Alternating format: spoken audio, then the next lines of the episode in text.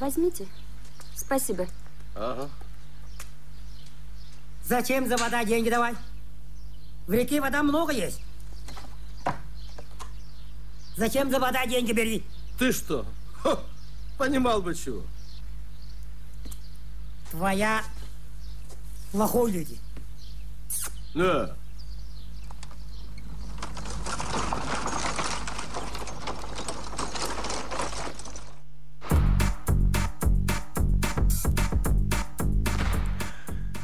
Zakaj plačuješ za vodo?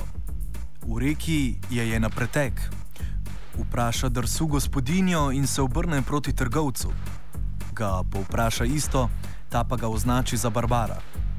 V letu 1975 posnetem filmu Drsu v Zala režiser Akira Kurosawa upozarja na odtegovanje javne dobrine, ki je strani kapitala potekalo že v zgodnjem 20. stoletju v carski Rusiji. In kot trgovec, ne meneč za zgroženega drsuja, odpelje kučijo dalje, tako kapital brezsramno, na vkljub številnim zavoženim projektom, lobira Evropsko komisijo in očitno tudi nacionalne vlade, da sprostijo vodne vire in vodovodne sisteme v zasebno upravljanje.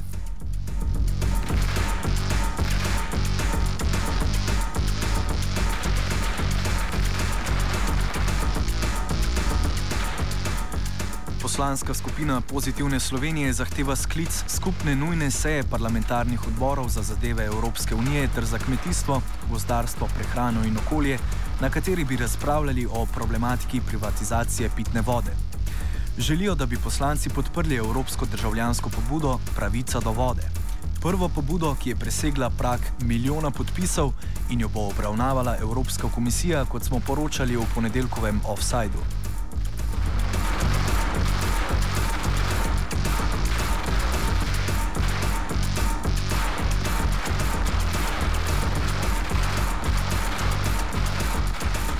Evropska komisija pa med kovanjem nove direktive o vodi ni imela posluha za civilno družbo. Še več, zaobšla jo je in v strokovne službe uvrstila predstavnike interesov kapitala. Govori nekdani minister za kmetijstvo Dejan Židan. V Bruslju pripravljajo spremembo oziroma novo direktivo o koncesijah, ki pa skozi stranska vrata vodi tudi možnost privatizacije upravljanja z vodnimi viri. E, to je v bistvu stvar, ki, za katero se že ve, da so jo v to direktivo pripeljali lobisti največjih evropskih koncernov, ki se ukvarjajo s tem področjem in to je tudi že uradno priznala Komisija Evropske unije. Če je Evropska komisija podlegla lobijem, pa pristojni organi v Sloveniji o direktivi sploh niso odločali. Nadaljuje Židan. Ministrstvo za finance, ki je nosilec mnenja o tej direktivi, ni obvestilo pristojnega ministrstva za kmetijstvo in okolje, da se opredeli, čeprav pa je vsebinsko ministrstvo za okolje odgovorno in je šla mnenje direktive, torej mnenje vlade v direktivi je šla mimo pristojnega ministrstva že čez vlado. In ko je prišlo v, drž v državni zbor, so tudi tukaj nam skušali prikriti in odbor za kmetijstvo in okolje, ki je pristojen vsebinsko, enostavno ni bil obveščen in mu zadeva ni bila dodeljena. In če pogledamo magnetogram razgovora na odboru za finance, vidimo, da državni sekretar enostavno odbor ni upozoril, da ta direktiva prinaša tudi možnost privatizacije upravljanja z vodami. Kaj je najbolj sporna točka direktive?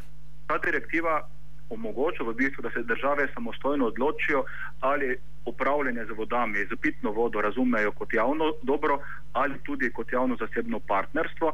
Težava, ki nastane pa v tem, da vkolikor država pride v stisko, Evropski komisiji pušča možnost, da potem posamezne države prisilijo v privatizacijo.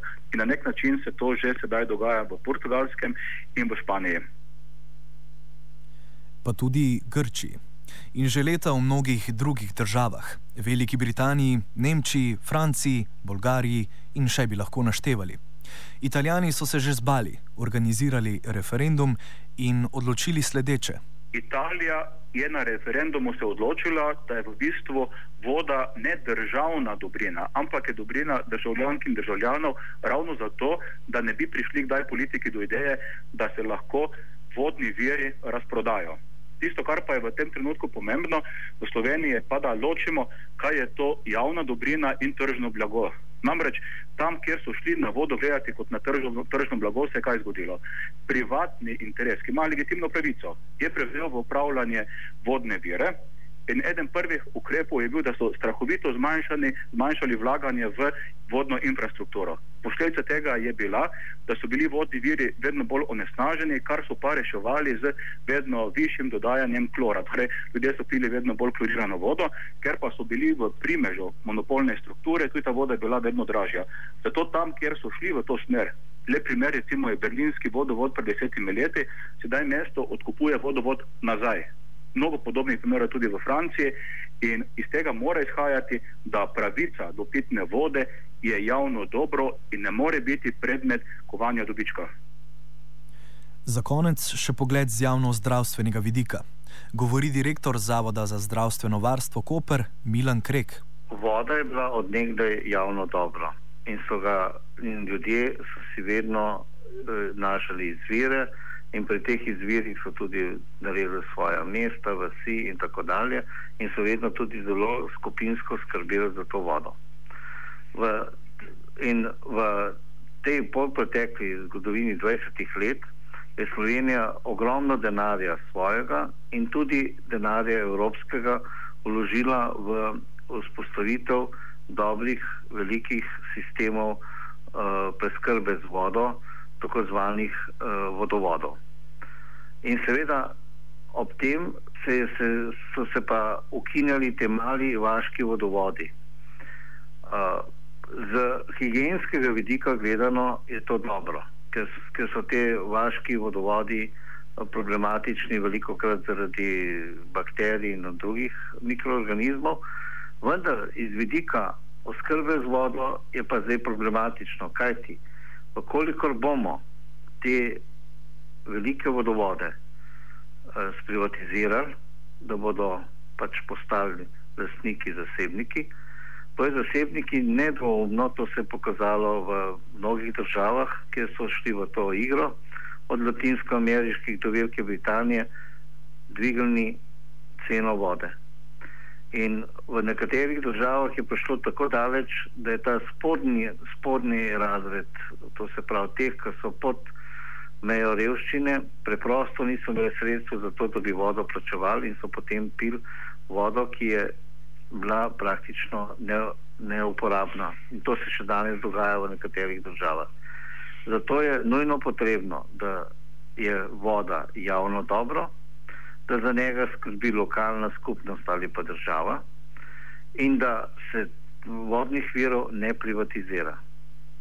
Ker na ta način mi zagotavljamo dobro in kvalitetno pitno vodo vsem ljudem, tudi tistim, ki so pod uh, mejo revščine, in zagotavljamo, da v državi ne bo razno raznih črvesnih obolenj in tako dalje, in tako dalje, kar je vse vezano na, na slabo pitno vodo. Uh, gre pa tudi za osnovne človekove pravice, da ima vsak človek pravico do pitne vode. Eh, in kot človek. To je osnovna človekova pravica.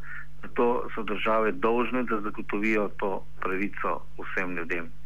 In do dobre in kvalitetne vode, ne vode, ki je oporečna. Poleg tega je pa treba še vedeti, da voda postaja strateška sirovina in v bodoče se bo dal iz tega seveda dober biznis delati in zato je tudi tako velik interes, da bi se vodovodi v Evropi privatizirali.